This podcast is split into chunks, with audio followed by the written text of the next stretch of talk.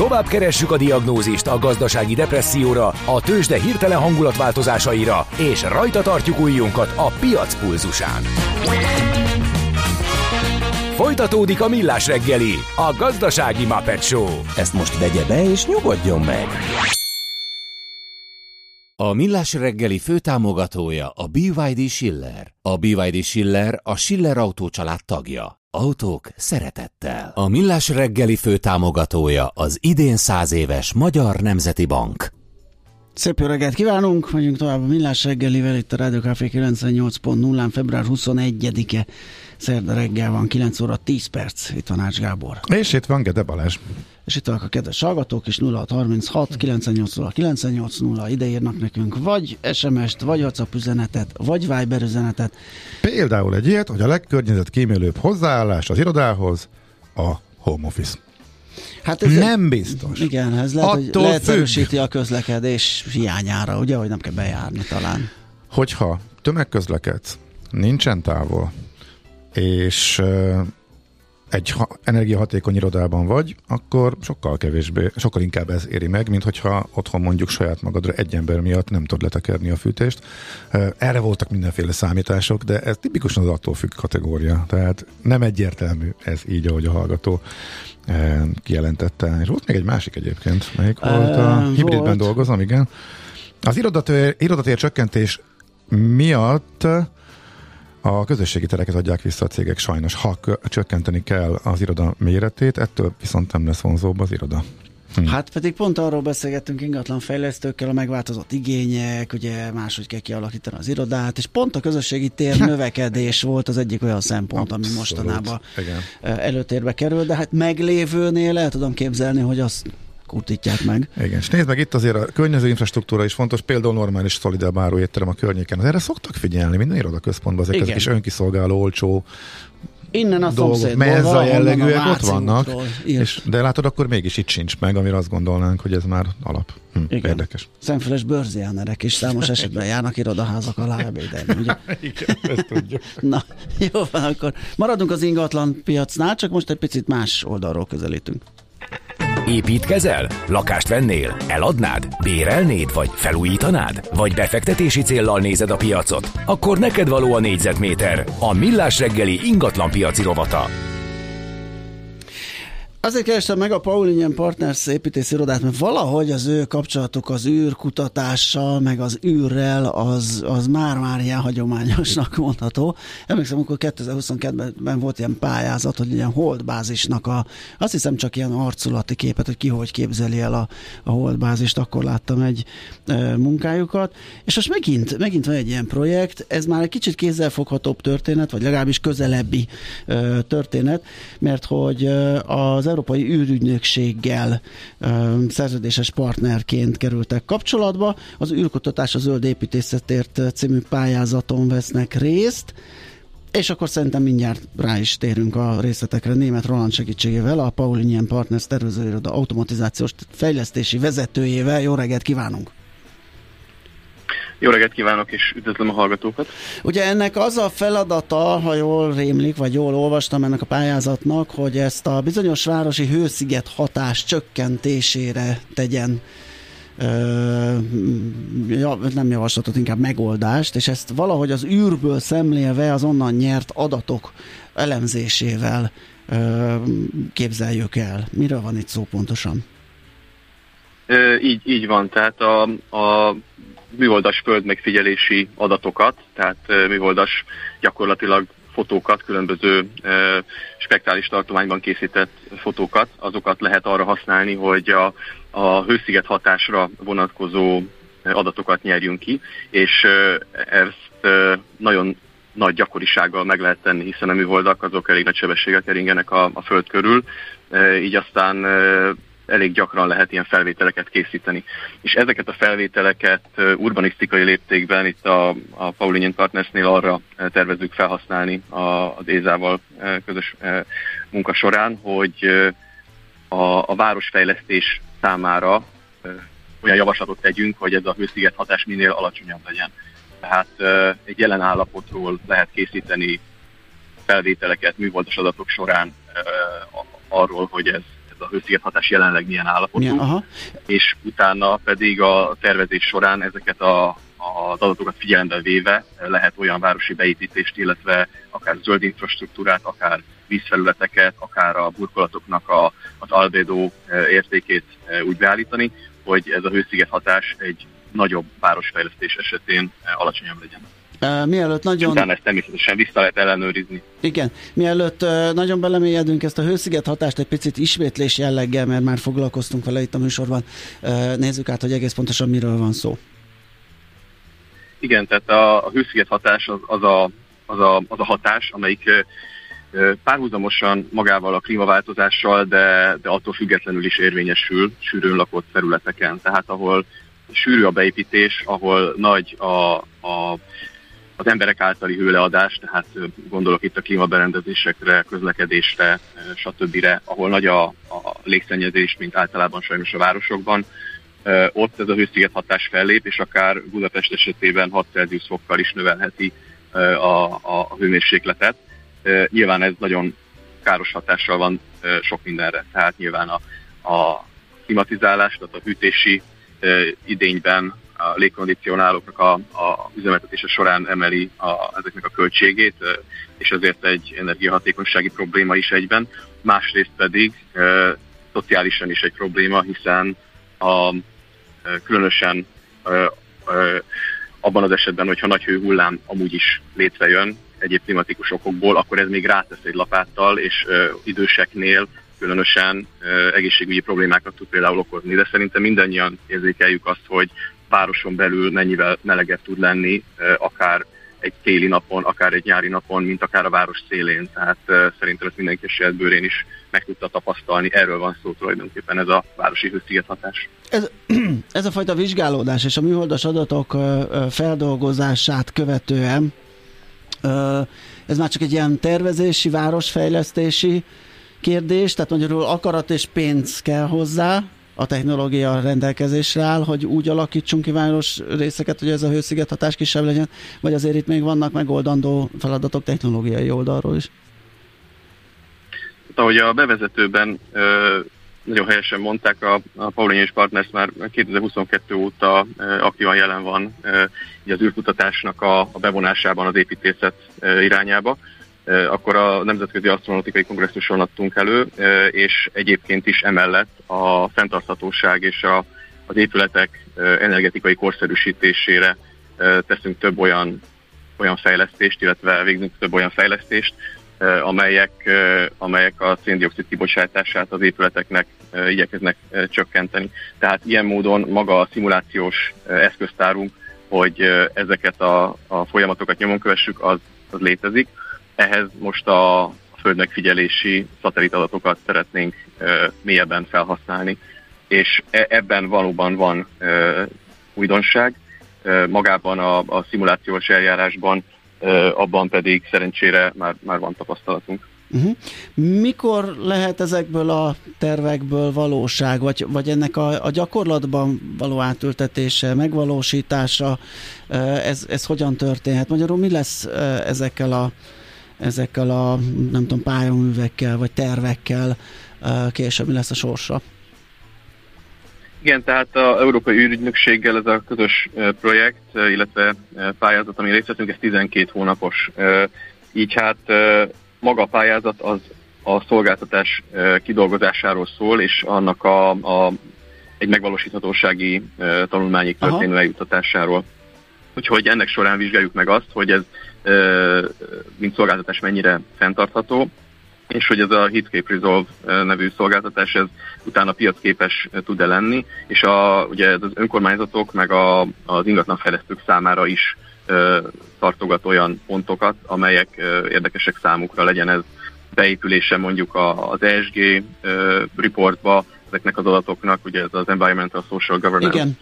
értékelési rendszer, vagy pedig a önkormányzatok számára pedig nyilván a, a, a szociális meg, megfontolások, illetve a zöld infrastruktúra fenntartására alkalmazható ez az eljárás. Úgyhogy reméljük azt, hogy a 12 hónap alatt sikerül olyan szinten kidolgozni az egész szolgáltatásrendszert, hogy ezután már élő piaci projekteken tudjuk egy egyben alkalmazni folyamatosan. Uh-huh. És az azért is fontos, mert egyébként a, az Európai Unió előírja ugye a épületállomány energiahatékonyságának javítását 2050-re, sőt már igazából 2030-ra. Ezzel külön is foglalkozunk, retrofit, retrofitting tervezéssel, stb. De, de azt gondolom, hogy egy ilyen nagyobb léptékű ilyen big picture megközelítés, mint a műholdas adatoknak a bevonása, az is egy olyan nagyon fontos telete tud lenni, ami nagy léptékben városi vagy, vagy kerületi léptékben tud hatást gyakorolni arra, hogy milyen energiafogyasztásra kell számítanunk a közeljövőben. És akkor, hogyha jól értem, ez nem csak, nem csak nem tudom, irodaházakra, középületre vonatkozik, hanem város részekre, tehát nyilván ami az, az magába foglal, tehát lakóházaktól kezdve minden egyébre.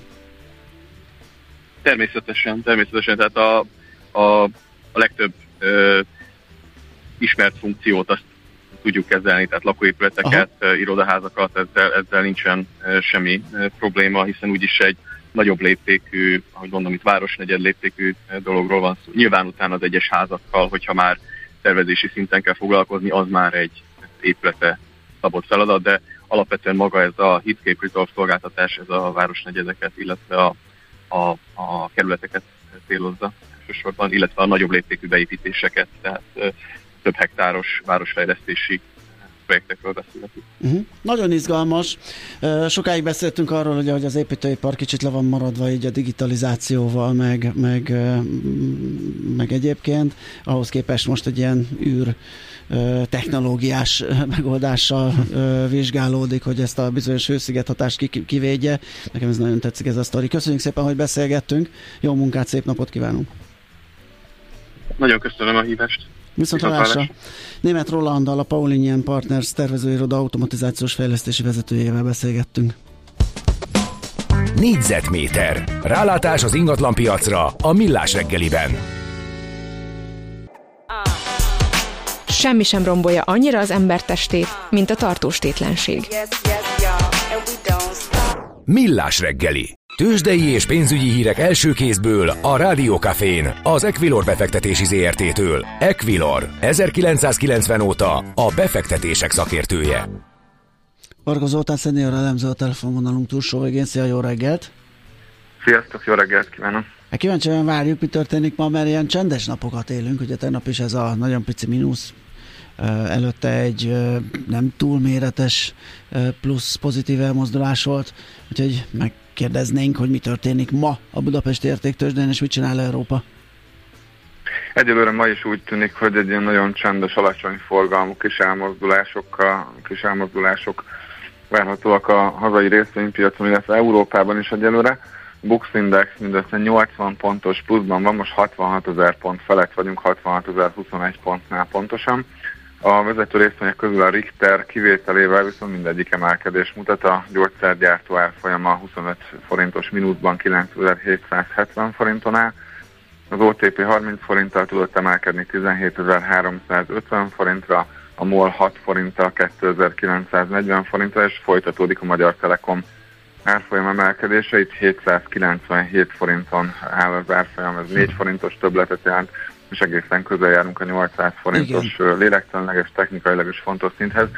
Elképzelhetőnek tartom, hogy akár a, a holnap délutáni jelentés előtt át is lépi. Technikailag is pozitív a kép, illetve ugye optimisták a befektetők a megjelenő eredményekkel kapcsolatban is természetesen. És az még mindenképpen hangsúlyos, hogy a Magyar Telekomban van a legmagasabb forgalmi, ilyet azért nem sűrűn jelenthetünk ki 160 millió forint mindössze, viszont az OTP-ban még 100 millió forintot sem éri el, MOL-ban szintén 160 millió forint, a Richterben pedig 22 millió forint eddig. Nagyon komoly. Helykarcsú, igen. Mármint a Telekom teljesítménye, igen. A többi az, az harmatos. Azt mondja, hogy akkor azt mondtad, hogy Európában is hasonlóan csendes a, az üzem. Nem ijedtek meg az amerikai eséstől? Abszolút nem. Meglepő módon már Ázsiában sem volt negatív hangulat, ugye ott a, a hongkongi és a kínai piac elég nagy emelkedéssel zárt. Európában vegyes elmozdulások láthatóak, a fontosabb indexek, mint a francia, illetve a német, ilyen 0,1% alatti mozgásokkal plusz-minusz, tehát nincs határozott irány, viszont az amerikai futures indexek megint mínuszban vannak, tehát elképzelhető akár, hogy folytatódik a tegnap, illetve a pénteken megindult negatív korrekció, ami tegnap erősödött. Ugye ma egyrészt 8 órakor megjelenik a Fed jegyzőkönyv a legutóbbi kamatdöntőlésről, másrészt pedig piaczárás után az Nvidia eredményeit várják nagyon izgatottan a befektetők, ami akár néhány napra meg is határozhatja az amerikai piac irányát majd. Okay. Forinttal még esetleg a forintra nézzünk rá, mert hogy tegnap egy picit tudott erősödni, talán így le, levált, leolvadt erről az a 390 az úgy tűnik, hogy attól kicsit megijedt. Hát igen, egy de... kicsit elidőzött, próbálkozott, hogy átmenjen, nem sikerült, és akkor inkább jött valamennyit az erős irányba a forint. Most, most is így állunk? Most egy picit visszakorrigáltunk, igen, ahogy mondtátok, ugye ez a 389-390 szín nagyon erős, erről korábban is beszéltünk már, nagy valószínűséggel a jövő hét keddi MNB kamat döntőülésig már nem fogja átlépni a jegyzés, én azt gondolom. Most 387,91, egyébként 387-nél van fontos támasz. Egyébként tegnap a lengyel Zloty is segíthette talán a, a forint erősödés, ugye ott az Európai Bizottság alelnöke jelezte, hogy ö, elég jók a, a lengyel tervek az igazságszolgáltatás függetlenségének visszaállításával kapcsolatban, ami hosszabb távon akár a hetes cikkei szerint eljárás megszüntetését is magával vonhatja majd. Úgyhogy ennek hatására az Gotyi erősödni kezdett, és ezzel egy időben a forint is, bár nyilván nálunk más szakaszban van az, az Európai Unióval való konfliktus, ha lehet így fogalmazni. Viszont a, az pozitívan hathatott a forintra, hogy a Fidesz frakció, frakcióvezetője jelezte, hogy jövő hét hétfőn napirendre tűzzük, illetve a Magyar Parlament napirendre tűzi Svédország NATO csatlakozását, és ezt támogatni is fogja nagy valószínűséggel a Fidesz frakciója. Jó, meglátjuk, mi lesz ebből. Nagyon köszönjük a beszámolódat, jó munkát, szép napot neked! Köszönöm szépen Szia. a figyelmet, sziasztok! Marga Zoltán szenior elemző mondott nekünk árakat, híreket a tőzsdékről. Tőzsdei és pénzügyi híreket hallottatok a Rádiókafén az Equilor befektetési ZRT-től. Equilor, 1990 óta a befektetések szakértője. Milyen legyen a jövő? Az oké, okay, hogy zöld, de mennyire? Totál zöld? Maxi zöld? Fantasztikusan zöld? Hát semmiképpen sem szürke, még 50 árnyalatban sem. Superzöld, a millás reggeli környezetvédelemmel és természettel foglalkozó rovata következik. A Superzöld rovat szakmai együttműködő partnere a zöld mandátummal rendelkező Magyar Nemzeti Bank és a Budapesti Metropolitán Egyetem. A miniszterelnök évvégi, vagy ö, ö, na, évértékelő, igen, évértékelő, februári. Igen, igen, évértékelőjében kicsit elbagatelizálta ezt a vízhelyzetet, amikor ö, úgy minősítette, hogy földszintes érvek azok, amik arról szólnak, hogy nincs elég víz, hiszen mindenki tudja, hogy ez egy nagy bedence tele vízzel, vagy legalábbis a folyóink befolynak, és milyen klassz dolgok vannak itt. Ö, ugye ezzel az a baj, hogy sokan gondolhatják azt, hogyha nem parázik a miniszterelnök meg, akkor én miért aggódjak. De azért lehet emlékezni itt óriási szárazságra, lecsökkenő vízhozamra, ami miatt még a paksi erőművet is korlátozni kellett a kapacitását. Tehát nem biztos, hogy ennyire rózsás a helyzet, de mindjárt ránézünk a hazai vízgazdálkodásra Dedák Dalma segítségével. Ő a WWF Magyarország környezetpolitikai szakértője. Szervusz, jó reggelt! Nincs itt. Haló, jó reggelt! Haló, haló, most? Hallasz, hallasz, hallasz? Dalma check, erő, check, egy, dalma kettő, előkerül, egy, check, kettő, egy, nem, nem, nem, nem. Jó, akkor, akkor megpróbálkozom. Hívd újra szem. Én addig elmondok egy-két üzenetet. Ugye az előbbi ingatlanos beszélgetésünkben arról volt szó, hogy műholdas vizsgálatokkal és adatokkal, illetve azok elemzésével próbál egy építésziroda eredményeket elérni annak érdekében, hogy a városokban tapasztalható hősziget hatást csökkentsék. Erre jött egy hallgatói reakció, hogy ó, fásítás és szökőkutak, nem kell ez műholdas okosság. Hát ennél azért egy fokkal összetettebb a helyzet. Szerintem ez nagyon klassz, hogy ilyen fejlett technológiával próbálnak úrrá lenni ezen a helyzeten. Na de most, ha minden igaz, ha minden igaz, akkor megpróbáljuk is. Hoppá, már valami alapzaj van, lehet, hogy Dedák Dalma is ott van a zaj mögött. Ő a WWF Magyarország kör, környezetpolitikai szakértője. Szervusz, jó reggelt! Jó reggelt kívánok, üdvözlöm a hallgatókat, elnézést a technikai problémák. Ó, az lehet, hogy nálunk volt. Nem tudjuk ezt, és nem is nyomozunk utána. Azután nyomozunk, hogy a vízkészleteink hogy állnak, hogy ö, tényleg le lehet-e ezt ö, annyira egyszerűsíteni ezt a dolgot, hogy mi egy nagy medence vagyunk, és ebből jön a víz nagyon sok. Hát annyiból igaz, hogy tulajdonképpen a Kárpát-medencében élünk, és valóban befolyik ide a víz, és mindent megteszünk azért, hogy befolyassuk azt a vizet a lefolyóba, uh-huh. tehát kieresztjük az országból, hiszen az egyenlítőnél is hosszabb 42.400 km hosszú belvízzel vezető csatornarendszerrel vezetjük a vizet a folyóinkba, amiknek a szabályozása az elmúlt 150 évben arra irányult, hogy minél inkább segítsük a víznek a lefolyását, a kifolyását az országból. Tehát uh, tulajdonképpen egy nagy száraz medence vagyunk, ami folyamatosan szárad kifelé, úgyhogy uh, a metafora ennyiben áll. Annyiból azonban nem, hogy a vízkészleteinkkel minden rendben van, hiszen most már azért a vízügyi igazgatóságok is számos olyan lépést elkezdtek tenni, hogy megpróbáljuk megtartani a vizeket. Például a WWF Magyarországgal együttműködésben most a beregi tározó területén sikerült a Tiszának az árhullámából betározni félmillió köbméter vizet, tehát vannak azért előrelépések, és egy paradigmaváltás körvonalazódik, de hát messze nem tartunk ott, ahol kellene.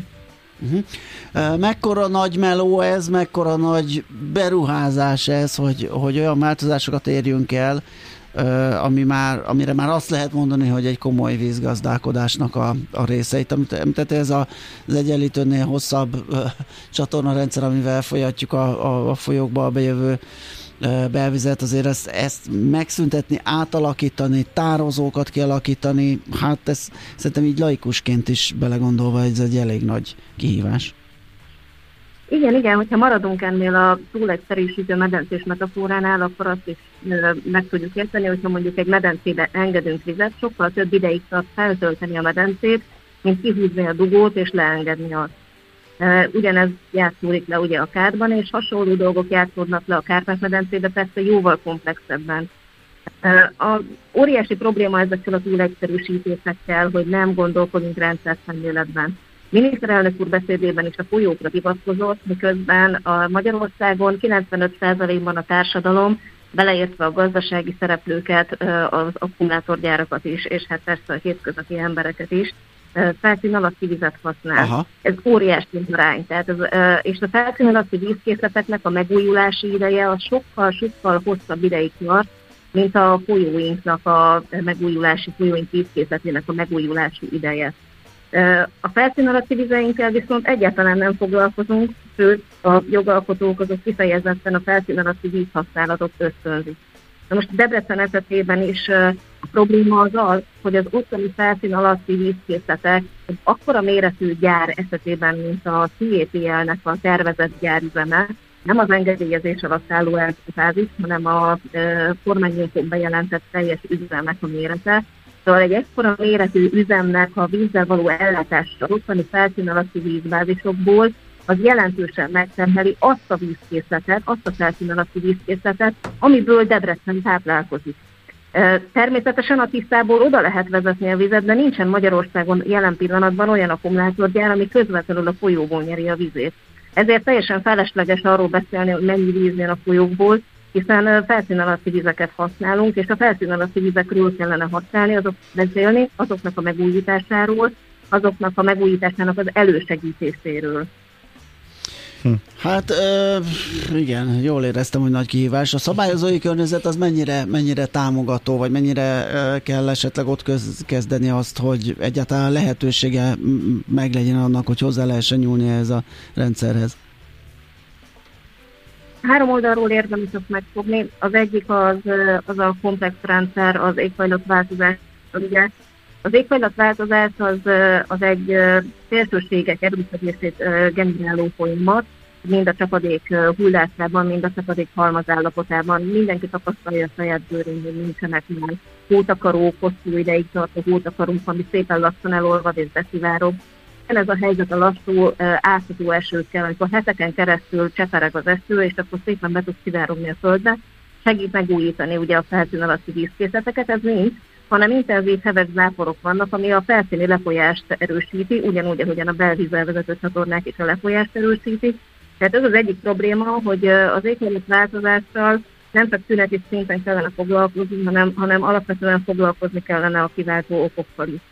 Másik probléma az ugye a területhasználat, hogy Magyarországon azért óriási szántóföldi borítás és egyre nagyobb messzebséges területborítás jellemző, és ez sem segít abban, hogy megújuljanak a felszín alatti vízkészleteink, és olyan helyeken erőltetjük az erdőtelepítést is az Alföldön, ahol nincsen elég csapadék az erdőklíma fenntartásához, ami lényegében kiszárítja a felszín alatti vizeket, mert kiszívja a földből a vizet.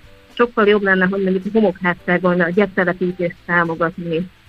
És hát nagyon fontos lenne az, hogy a szabályozások területén a kútlétesítésnek az ellenőrzését, a sokkal szigorúbban kellene venni. Ugye az elmúlt évben született egy törvénymódosítás, ami alapján hát de facto lényegében mindenki új létesít kutat, ahol akar, olyan módon és úgy, uh-huh. és ott, ahol akar. Ez azért nem szerencsés, mivel hogy a felszín alatti vízrétegek nem szeparált rétegek, azt gondoljuk, hogy van talajvíz, meg vannak rétegvizek, holott ez nem igaz, ezek kapcsolatban vannak egymással, és hogyha egy szennyeződés bejut, legyen egyetlen egy felülőtlen használó egy vízbázison, hogyha egy szennyeződés tőle bejut a kúton keresztül közvetlenül a felszín alatti vízbe, az elszennyezheti az egész vízbázist akár. És ugyanaz ez igaz az akkumulátorgyárak esetében is, hogy legyen egy hiba, és akkor ott már, ott már az egész településen használhatatlanok lesznek a kutak. Hiába engedélyezzük őket. Tehát ezeknek az ellenőrzése feltétlenül fontos lenne. Nem az adóztatás, hanem az ellenőrzés. Tehát ez egy ilyen kicsit félrement itt a kommunikáció uh-huh. uh-huh. Sokan azt hiszik, hogy kutakat adóztatni szeretnék, holott csak a víz minőség és mennyiség állapotának az ellenőrzéséről volt szó. Tehát, tehát ez, ez is egy probléma, illetve hát az, hogy, hogy meg kell fogni minél több vizet, amit csak tudunk, uh-huh. és segíteni azt, hogy beszivárogjon a felszín alá, hogy tudjuk itt nagyon hosszú Akkor egy utolsó kérdés, az, hogy politikai felszín, meg a kommunikációs felszín az mi, az szerintem talán lényegtelen, oké, okay, nyugtasson meg a politikus, de mondjuk állami szinten, döntéshozói szinten, szakmai szinten, vízügyi igazgatóságok, vagy ezzel foglalkozó állami szervek, tisztában vannak ezzel? Van az ő részükről jelzés, hogy ezt ők is látják, hogy valamit Igen, tehát érzik a probléma, a súlyát, és valami súlyát, történik, elindult, vagy... Vagy pedig elvált az, hogy amit a civilek mondanak, és a civilek szakértői mondanak, arra teljesen nincs reakció az állami oldalról. Melyik, melyik látszik? Próbáltam arra is utalni, hogy már van egy ilyen közeledés. Alapvetően nem csak a civilek mondják, hogy víz problémák vannak, 2022-ben jelent meg az új vízgyűjtőgazdálkodási terv, ami egy csak az alapdokumentum, egy mint 700 oldalas anyag, és még van mellé rengeteg melléklet, az jelentősen egy kiemelten foglalkozik a vízkészlet fogyásával, illetve az asszály problémájával. Tehát, tehát hogy van, van igenis a állami és szakmai szinten is olyan jelzés, hogy ezzel foglalkozni kell, viszont az erőltetett ipartelepítés, az vízigényes ipartelepítés az úgy tűnik, hogy ezeket a szakmai szempontokat felülírja, és végtelen erőforrásként kezeljük a vizeinket, holott hát a természetben nincsenek végtelen erőforrások, azt gondolom mindenki tudja. Uh-huh. Oké, okay. hát nagyon szépen köszönjük a beszélgetést, és hát reméljük, hogy egyre, egyre inkább majd az előrelépésről, igen, és változtatási tervekről fogunk tudni majd beszámolni.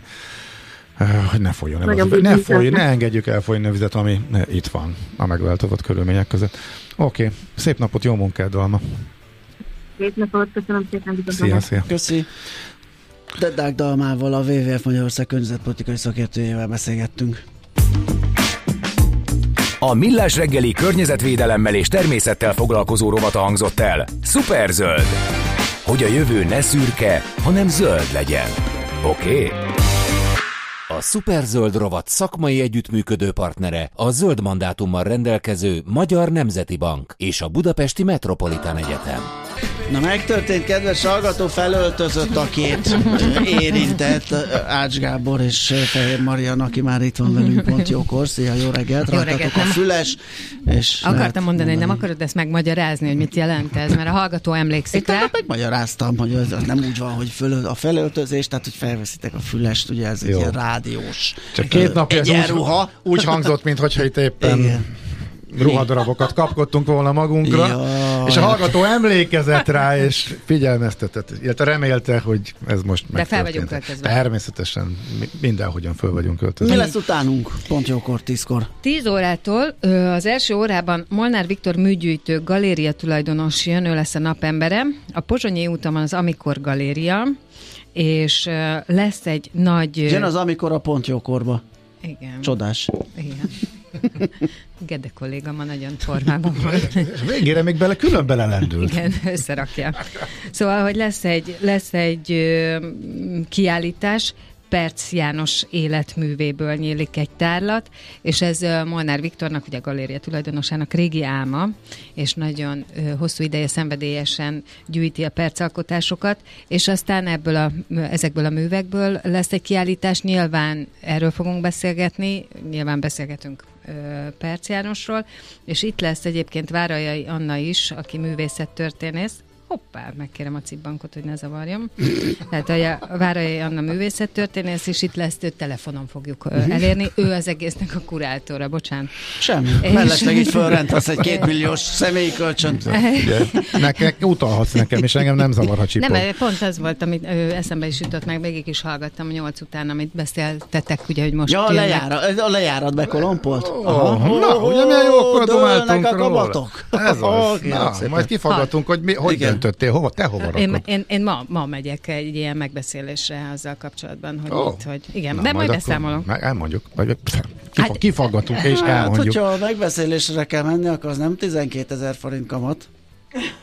Nagy, pály, nagy pályásokkal ülünk itt egyben. Hát kérlek. Bocsánat. A millás után jövök. Hát, jó, ja. Nem viccelj. Igen. És uh, Paku Andrea jön a második órában, ez pedig egy alapítvány, a Kagyemo, egyébként kacifántos gyerekeink mosolyáért, ez az alapítvány neve. Itt nagyon súlyos fogyatékkal élő gyermekek élnek, helyesebben ez egy napközi, ő neki, az Andrának van egy nagyon súlyos fogyatékkal élő gyermeke, és annak idején egyébként a saját sorsuk és életük megkönnyítése és a sorstársaik megkönnyítése érdekében is csinálták. Maglódonban ez a, ez a, az, a, ez a napközi, és hát nyilván itt tudnak megfelelő személyzettel, megfelelő fejlesztéssel, megfelelő körülmények között eltölteni napi néhány órát ezek a gyerekek, amelyet amely ugye segít a családoknak is. Na, most ezt mindenki segítette, annak idején ugye közösségi összefogásból is épült, rengeteg adományból, mindenki segíti, csak az állam nem. És most okay. idén is az a helyzet, hogy elutasították az ő pályázatukat, és amikor én ezt láttam, akkor én megmondtam, hogy jöjjön be, beszéljünk, Így van. hallgatóink. Épp rosszkor, de elfogyott az időnk, Már pont jókor, tíztől.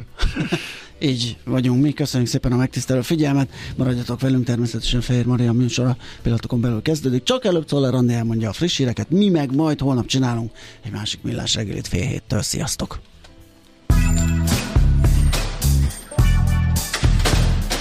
Már a véget ért ugyan a műszak, az ügyelet azonban mindig tart. A sürgősségi és félig zárt osztályon holnap reggel újra megtöltjük a kávésbögréket, és felvesszük a piaci.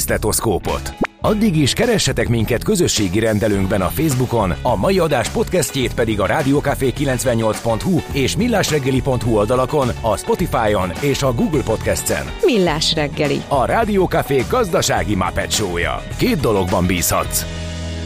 Az egyik mi vagyunk.